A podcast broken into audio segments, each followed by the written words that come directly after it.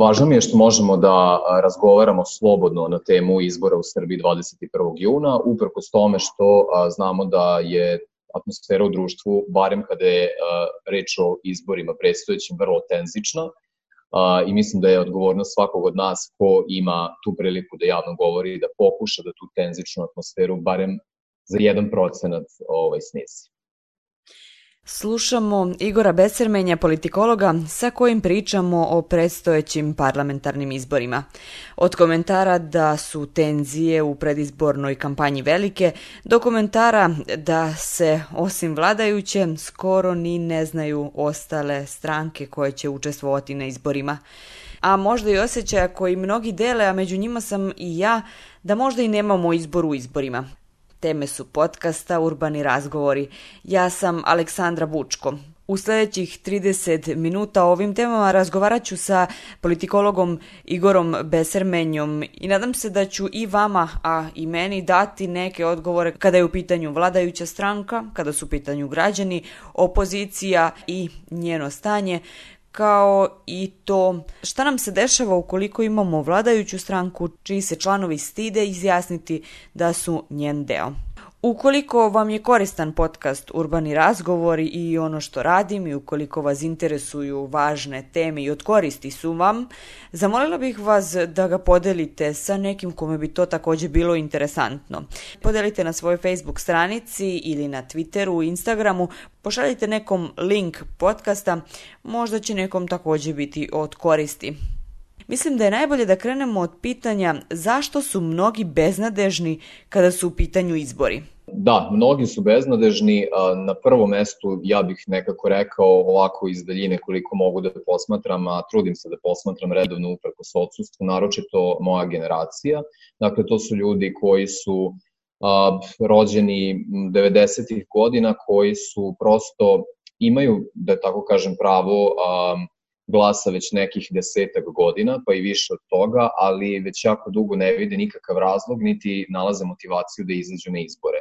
I a, to su ljudi takođe, mnogi među njima, koji su tokom prethodnih godina napuštali Srbiju upravo iz a,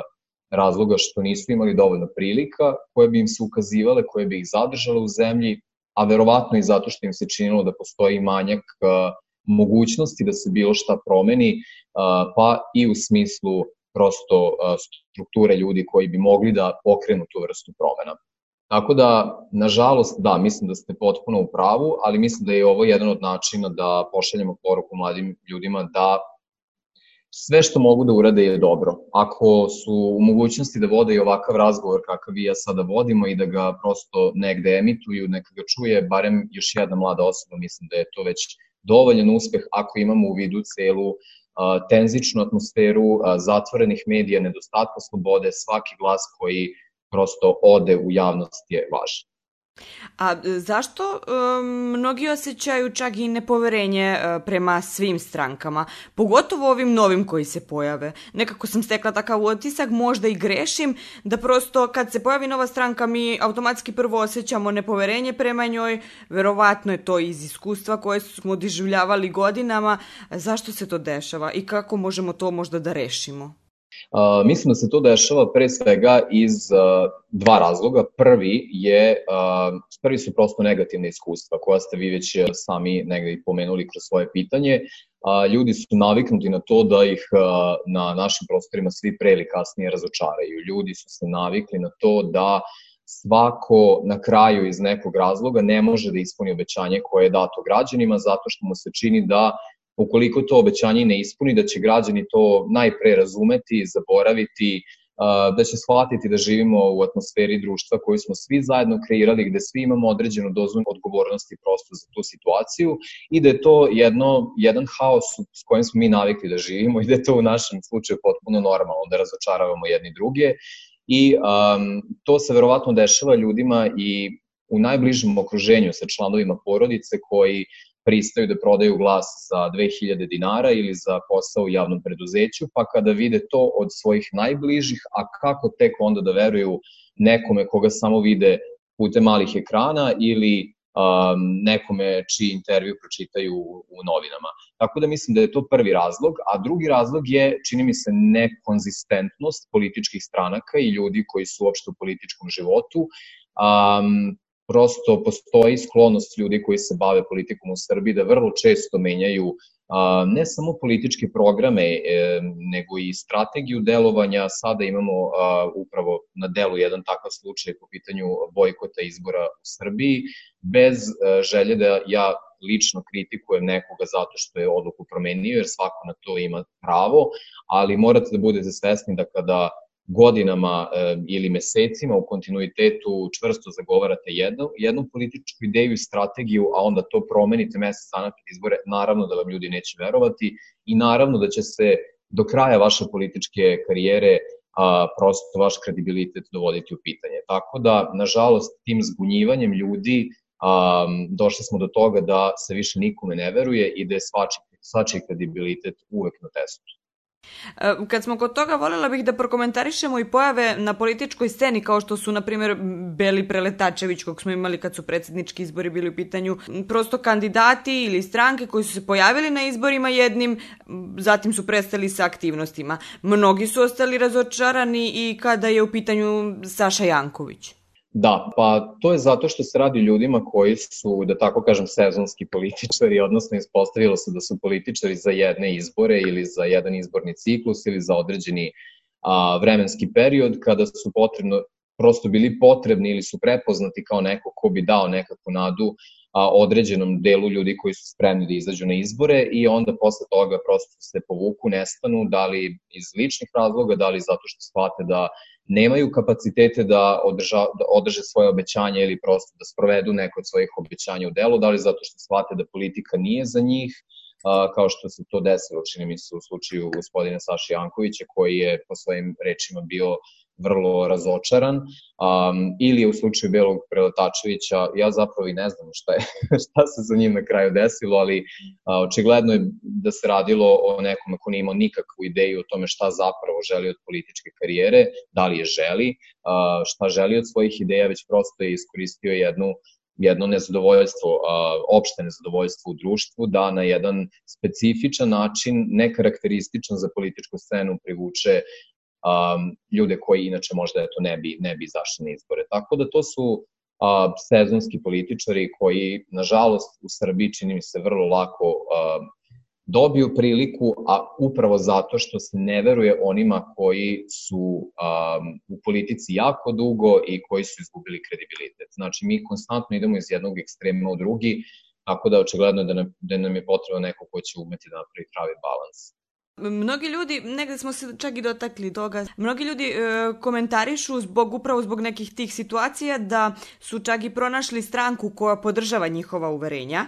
e, ali da će sačekati sledeće izbore pa ako i dalje bude imala ista uverenja ili isti pravac, onda će je podržati. Pa da, samo problem sa tim je što ukoliko ne izađete pa ne glasate za njih na ovim izborima, do sledećih ih možda više neće ni biti, jer mislim da ljudi nisu svesni koliko je teško održati jednu političku organizaciju, a, i na lokalnom nivou, ma i na nivou mesne zajednice, a kamoli na nacionalnom nivou. Jel? Tako da nije ni malo čudno što vi a, posle nekog određenog perioda vremena više nigde ni ne čujete, ni, ni ne pročitate ništa o određenoj političkoj organizaciji koja se samo pojavila na izborima i onda više nema. Ali ja mislim da su mnogo veći problem one političke organizacije koje, ako ste primetili, se redovno pojavljuju samo pred izbore, kao što su, kao što je slučaj sa zavetnicima Milice Đurđević ili sa a, političkom organizacijom a, Aleksandra Šapića, čini mi se, ja ne znam, mislim, to su ljudi koji, koji zaista nema u političkom životu, da li zato što nemaju dovoljno akcija, ideja o tome šta bi zapravo radili u ovaj, svakodnevno jel, na političkoj sceni ili zato što su možda i napravljeni upravo sa razlogom da se pojavljuju samo na izborima iz jednog u drugi izborni ciklus i da prosto uzmu određeni broj glasova koji bi možda bio u drugom slučaju upućen nekom drugom ko bi zapravo mogao znači da opstane na političkoj sceni. Tako da mislim da su te organizacije mnogo veći problem, ali što se tiče vaše konkretnog pitanja, mislim da ljudi moraju da shvate da je nažalost odgovornost za, za to koliko će se ideja političke stranke sprovesti u delo leži i na samim ljudima koji podržavaju određenu političku partiju. Prosto morate da izvršite veći pritisak na vaše predstavnike. Ako ste ih već e, izabrali ili ako ste ne samo izabrali na izborima, već ako ste birali da im date svoju podršku, svoje simpatije, onda morate na neki način da a, pronađete mehanizam kako da ih kontrolišete. Ako to ne radite, ako mislite da ste svoj posao obavili samo time što ste glasali za njih na izborima, onda je neminovno da ćete se razočarati pre ili kasnije. Da li nas ponovo očekuju izbori na kojima će i sada vladajuća Srpska napredna stranka pobediti, a opozicija će se sporečkati i prepucavati? Pa, poli, mislim, opozicija je to već uradila, tako da oni su već, mislim, obavili taj deo posla, tako da sada su sve prepustili građanima u smislu a, da li će građani na i pored svega eto, da, da nas podrže iz razloga što znaju da je naša alternativa mnogo gora, što i jeste tačno, a, alternativa u vidu Srpske napredne stranke i opstanka ove vlasti. A, niko ko je trenutno ili relevantan na opozicijnoj političkoj sceni, pritom naravno ne mislim na organizacije poput Savetnika i slični, to su kao što smo već pričali, njima potpuno irelevantna organizacija, ali mislim na ovu relevantnu opoziciju koja možda ima šanse da pređe cenzus ili je prosto prepoznata kao a, legitiman predstavnik ideja koje su alternativa idejama ove vlasti. Niko tu nije gori od Aleksandra Vučića od Srpske napredne stranke, a, ne samo u ideološkom smislu a, i ne toliko možda u ideološkom smislu, koliko u smislu a, načina na koji deluju, a, kako tretiraju građane, kako tretiraju slobode, kako tretiraju a, izbore kao takve, a, pravo glasa i slično. Znači, niko nije gori na opozicijnoj sceni od Aleksandra Vučića, ali, nažalost, a, jesu se pokazali potpuno nedoraslim da budu a, ravnopravni takmac, a, makar sa te strane da budu, kao što sam rekao, konzistentni u onome što rade. A, Bojim se da su ovi izbori potpuno prokockana šansa od strane opozicije, njihovom krivicom, upravo iz razloga što se strategija menja u predvečeri izbora, ne postoji ni jedan validan razlog da vi mesec ili dva meseca pred izbore um, razbijate kakvo takvo jedinstvo koje je postojalo um, na, na, pardon, na opozicijalnoj sceni između uh, samih uh, političara i takođe između opozicije i građana, kako tako jedinstvo u pogledu toga da se slažemo da nema uslova za fair izbore u Srbiji, da na njih ne treba izaći i mislim, barem što se mene tiče, niko ne može da me ubedi da mesec ili dva meseca pred izbore se nešto to značajno promenilo zbog situacije sa koronavirusom. Ja stvarno ne znam šta je to koronavirus promenio u Srbiji sada, pa odjednom treba da se izađe na izbore. Kako je oslabio Srpsku naprednu stranku i ovu vlast i šta se to promenilo u izbornim uslovima, ne znam, ja bih volao da dobijem odgovor na to pitanje. Tako da opozicija se već sporečkala odavno i nažalost mislim da ni ideja bojkota, a ni ideja izlaska na izbore kako bi se eventualno koliko toliko oslabila vlast Aleksandra Vučića više ne mogu da postignu svoj maksimalni potencijal i odgovornost za to leži na samoj opoziciji. E, kada smo kod opozicije, kao razlog za bojkot ranije su negde spomenjali se i nedemokratski izbori kao i suženi medijski prostor za opoziciju jer imaju ograničeni pristup televizijama sa nacionalnom frekvencijom, ali su spomenjani u jednom momentu da su i gori uslovi nego u 2000. godinama. Da li je to zaista tako kada su mediji u pitanju, ukoliko uzmemo u obzir da e, tada internet nije postojao, nije postojala kablovska televizija, ljudi su imali, e, pogotovo ljudi na lokalu u nekim ruralnim sredinama, mnogo manje uslove da budu informisani. Da li su opoziciji mediji jedan od najvećih problema kada je u pitanju ovaj, i sada i ovi izbori ili je to samo još jedan, ne znam, izgovor? Mediji definitivno jesu problem, ali ja bih možda rekao i ne i najveći, a zašto jesu? Zato što ne možete da imate javni servis na kom neće gostovati predstavnik, jedan od najprepoznatljivijih predstavnika opozicije koji štrajkuje glađu. Šta god mi mislili o njemu, ili šta god mi mislili o predstavniku opozicije koji bude pretučen šipkom um, u srednoći, um, to jeste dovoljno, um, dovoljno dobar razlog da isti bude na javnom servisu i da govori o tome što mu se desilo, da mu budu postavljena pitanja i da on e, iznese svoje argumente, da iznese svoj deo priče i da prosto imamo društvenu debatu o tome kako je moguće da mi živimo u zemlji koja je kandidat za članstvo u Europskoj uniji, a u kojoj se najprepoznatljiviji deo opozicije um, batina na ulici ili uh, se preti njihovoj deci pred prozorom ili štrajkuju glađu ispred Skupštine, a niko ne reaguje. Znači, definitivno je istina da imaju problem sa tim što ne mogu da dobiju jednak prostor u medijima kao predstavnici vlasti,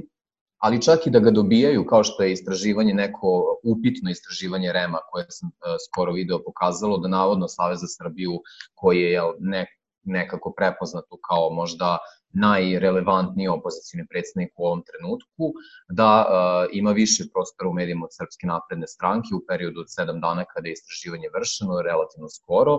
Um, čak i da je to tačno, a sumnjamo da je istina naravno, a, ne radi se samo o tome da, ćete vi, da li vi dobijete prostor, već i u kakvom kontekstu se o vama govori. A, znači, ne možemo da tretiramo isto prostor koji dobija predsednik Srbije dok govori kao predstavnik iz svoje stranke, Srpske napredne stranke i drži govor od 15 minuta. Ako ćete vi posle toga da emitujete opoziciju 20 minuta, ali tako što ćete u to emitovanje da uključite privatne komentare Željka Mitrovića na njihov račun, a, ismevanje novinarke Gordane Uzelac na njihov račun, montiranje nekakvih anketa na ulicama za koje uopšte nemamo nikakav dokaz da je zaista to pitanje recimo postavljeno građanima, pa onda oni kao komentarišu predstavnike opozicije, mislim to nije isto, tako da to što 20 minuta se na Pinku govori o predstavnicima opozicije ne znači da a, možemo da zaboravimo na kontekst u kojima se o njima govori. Tako da oni apsolutno imaju pravo da insistiraju na tome da postoji problem sa neslobodom u mediju u Srbiji, zato što mi svi znamo da je to tačno. Mi u Srbiji danas imamo samo jedan dnevni list koji je potpuno slobodan da piše ono što želi, svi ostali su u određenoj meri um, zavisni od, od vlasti i pod kontrolom su vlasti, pod direktnom kontrolom vlasti i to više nije nikakva tajna u Srbiji. Tako da mislim da taj argument uh, stoji, ali uh, nesloboda medija nije jedini problem. Uh, mnogo ozbiljniji problemi se dešavaju u samom danu izbora. Znači, ja ne znam kako mi možemo da se pravimo blesavi nad činjenicom da mi već nekoliko izbornih ciklusa ili u neredovnim izborima imamo a, automobile sa zatanjenim staklima koji krstare selima, vode ljude na izbore, a, imamo ljude koji sa spiskovima građana stoje pred biračkim mestom, a, u Novom Sadu situaciju već nekoliko puta da a, ljudi takođe kombijima obilaze srednje škole i, i, i nude srednjoškolcima koji su tek navršili 18 godina da za određenu sumu novca vrbuju svoje vršnjake, da samo tog dana posle škole izađu na izbore i dobiju onda novac i da se provedu uveče svi u grad. Mislim, to se dešava konstantno. I to nije nikakva tajna i to su mnogo gore stvari u samom danu izbora, jer na kraju krajeva to je ono što odlučuje i sam rezultat. Vi možete mesecima da imate najdivnije uslove za izbore, a nemamo ih, ali ako vi u danu kršite toliko izbornih uslova, onda o čemu mi pričamo, naravno da ne postoje uslovi za te izbore. I to opozicija jako dobro zna i zato po meni a, kampanja bojkota nikako nije smela da bude osakaćena na ovaj način sa jednim krajnje a, bezveznim izgovorom da je koronavirus nešto promenio. Ja stvarno ne znam, evo, ako vi znate šta je koronavirus promenio, pa, pa imamo uslove za izbore.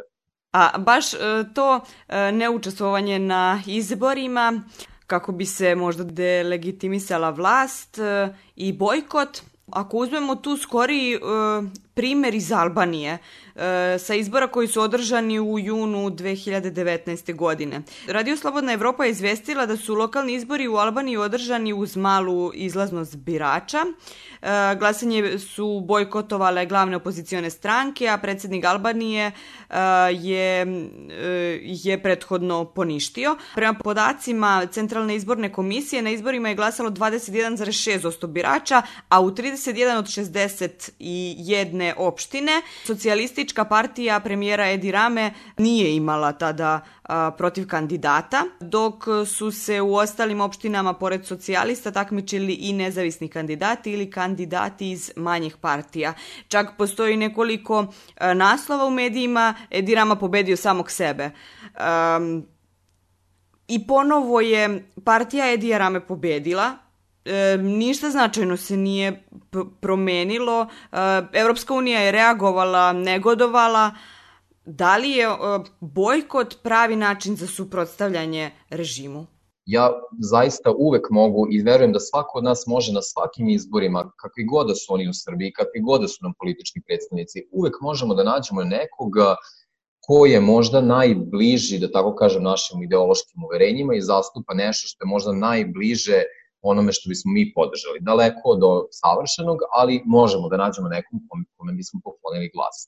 ali moje pitanje je šta će to promeniti ukoliko oni idu u skupštinu koja je pretvorena faktički u logor e, u kom je Maja Gojković upravnica. Um, šta će to promeniti ukoliko ja znam da oni neće imati priliku da javno govore, um, ukoliko će im se ukidati pravo glasa, ukoliko će posle nekog trenutka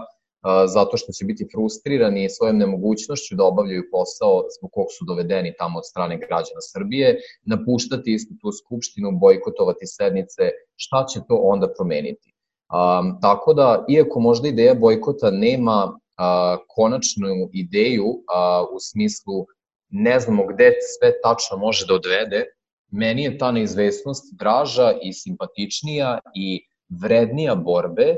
od toga da odaberem svoje predstavnike za, kažem, skupštinu za koju, koju znam da neće moći da obavljaju svoj posao onako kako treba da ga obavljaju. Um, tako da, meni je samo iz tog razloga ideja bojkota daleko bliža, zato što znam da otvara a, mogućnosti koje, kojih ni mi sada nismo svesni. Vodi u pravcu a, daljeg sjedinjavanja opozicijnog korpusa sa građanima Srbije koji su nezadovoljni ovom situacijom. A njihovo sedenje u Skupštini neće baš ništa promeniti. I samo će ih odaljiti od građana koji će ponovo dovesti u pitanje njihov kredibilitet. Tako da, što se mene tiče, s te strane ideja bojkota je vrlo legitimna, kao ideja građanske neposlušnosti koja je mogla da prati da prati bojkot. Nije to propala ideja i dalje, ja kažem prva šansa za građane će biti od 21. juna, nakon 21. juna, znači od 22. kroz možda način da se izvrši pritisak na političke predstavnike da vrše aktivan bojkot i da prosto pozivaju građane na aktivan bojkot, na građansku neposlušnost, sve su to mogućnosti koje nama slede, ali u samom danu izbora bojim se da možemo da imamo samo jednog pobednika u svakom mogućem smislu i to će biti Aleksandar Vučić. Nekoliko dana nakon e, našeg dopisivanja pojavljuje se priča o tome da se pojedini stide e, da postave stranačku identifikaciju na socijalnim mrežama e, i primoravanje stranke i pretinje da to moraju raditi zbog svih tih načina na kojim im je stranka pomogla. Znači imamo osobe koje javno ne podržavaju vladajuću stranku, imamo osobe i unutar stranke koje se stide da su, da su članovi te stranke, zašto je ona onda i dalje vladajuća ako su izbori tajni i zašto onda ista ta stranka i pobeđuje? Naravno da postoje ljudi koji ide veliki broj ljudi u Srpskoj naprednoj stranci prosto verovatno prinuđen životnim okolnostima, odnosno prinuđen. A, svi mi imamo, imamo izbor nekakav, je tako? Ali oni su svojim očima prinuđeni da budu članovi partije da bi dobili posao, da bi pomogli članovima svoje, svoje porodice, da bi pomogli svojoj deci, ali nažalost oni će na kraju uraditi ono što moraju da urade kako bi održali taj nekakav svoj status. Um, I pritom ne mislim da oni planiraju tu da bilo šta promene. Oni će se stideti možda da okače na društvene mreže, da promene svoju profilnu sliku u zaokruženi broj 1, jel, kao podršku Srpskoj naprednoj stranci, ali na kraju rezultat će biti isti zato što će oni uraditi istu stvar. Oni će izaći na izbore i glasaće za za ono zašto oni misle da moraju da glasaju, jer misle da je tu, da u tome leži a, njihova sigurnost, a, njihova budućnost, budućnost njihove dece um, i definitivno ne mislim da bi se oni složili sa vama da su izbori, izborni tajni. Oni smatraju da oni nikako neće moći da sakriju šta su uradili. Na kraju krajeva A, mi znamo da su se mnogo puta pojavljivali dokazi o tome da su građani morali da slikaju, da fotografišu zapravo svojim telefonima svoj izborni listić i to a, koji su broj zakružili, broj Srpske napredne stranke ili neke od koalicijnih partnera na lokalnim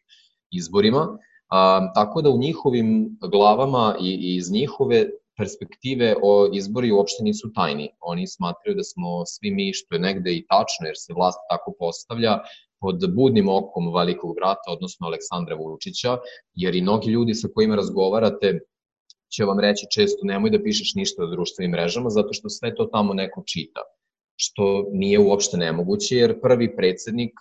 svojim primjerom dokazuje da on sve prati i sa brojem ekrana u, u svom kabinetu i sa načinom na koji se ophodi prema novinarima i prema slobodnim medijima i način na koji go, on razgovara sa građanima nama govori da on zaista sve prati i da njegovi kerberi uh, po, po malim mestima takođe sve znaju, tako da za građane koji odlučuju o izborima, uh, izbori ni malo nisu tajni. Tako da to je, to je prosto tako. Oni su uplašeni zato što znaju da imaju objektivnog razloga da budu uplašeni. Mislim, na, mi nismo ni svesni koliko ljudi u manjim sredinama um, više osjećaju tu vrstu pritiska u odnosu na nas koji živimo u većim gradovima. Jer vi u većim gradu imate prilike da odete u kafić u kojem vi, želi, u koji vi želite da sednete, jer znate da će tu možda biti ipak neka grupa ljudi koja je vama bliža i po životnim stavovima i po načinu života i po temama s koje, koje s njima možete da delite i prosto imate taj osjećaj širine da kako god daje, ipak možete da nađete svoj deo prostora gde ćete da razgovarate kako vi želite. U manjim sredinama ljudi su vrlo uplašeni zato što smatraju da uvek postoji tu neko koji je zadužen da čuje da bi se kontrola održavala. Tako da za njih izbori uopšte nisu tajni, pa ni sam izborni dan, a ako moraju da fotografišu svoj izborni listić i da se legitimišu kod nekog predstavnika partije pred biračkim mestom, onda tek ne možemo da govorimo o tajnosti. Šta nas očekuje posle izbora? Da li će se nešto promeniti? I onda šta nas očekuje, e, već ste spomenuli taj dan posle izbora, pa da malo popričamo i o tome šta, šta nas i u tom smislu očekuje ili šta treba mi da, kao građani da, da uradimo da bi možda promenili nešto. E, u samom danu izbora neće se promeniti ništa, imaćemo pobedu a, Srpske napredne stranke, Aleksandra Vučića, održavanje na vlasti jednog čoveka koji prosto pronalazi mehanizme iz jednog u drugi izborni ciklus da na vlasti opstaje i da vas odmah podsjeti kako će oni na sledećim izborima da pobedi ubedljivo zato što su svi drugi nesposobni i on se na taj način ponaša i konstantno šalje takvu poruku svojim biračima. Tako da u izbornom danu mislim da nažalost ne možemo da očekujemo neke promene. Ono što mene najviše deprimira jeste ta činjenica da u 2020. godini, ako su istraživanja i ole tačna, um, desničarske, desničarske stranke, dakle ne mislim samo na SNS, već i na SRS i na SPS i na SPAS Aleksandra Šapića, um, mogu da očekuju 70 80% podrške onih koji će izaći na izbore. To je ono što mene najviše deprimira i ja mislim da mi um, treba da razmišljamo u tom pravcu zašto je to tako i gde su svi ostali građani koji sigurno ne bi glasali za desničarske partije. Da li je moguće da mi ne možemo da a, odemo dalje od eventualno 15-20% nekakve alternative u Srbiji. Meni je, meni je to poražavajuće mislim da mi treba da razmišljamo u tom pravcu ako govorimo u kontekstu 22. juna, dakle dana posle izbora, um,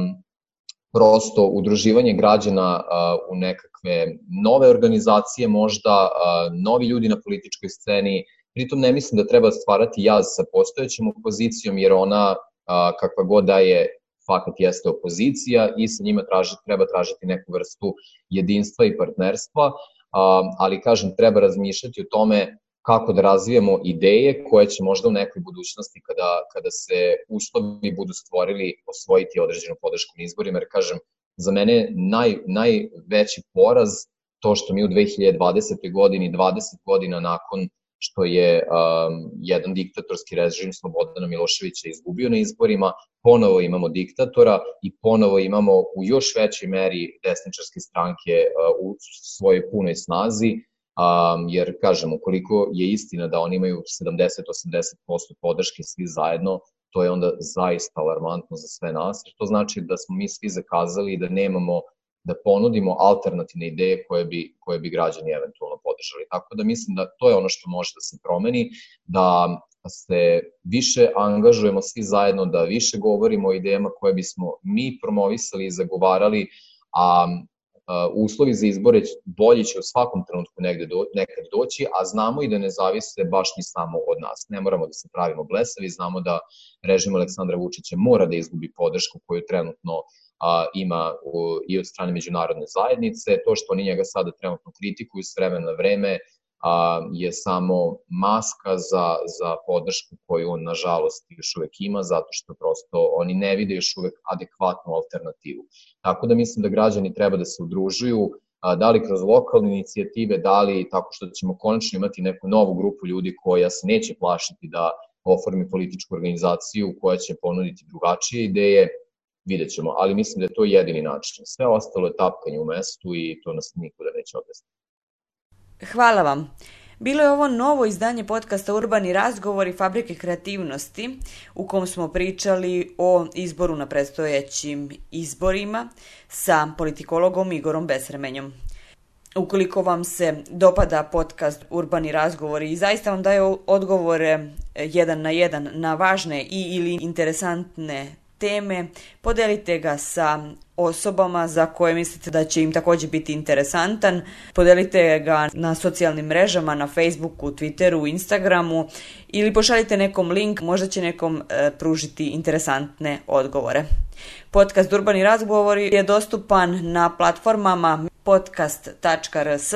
Mixcloud, Anchor, Google Podcast, Breaker, Overcast, Pocketcast, Radio Public, Spotify i na YouTube-u. Slušajte i dalje o važnim temama jedan na jedan.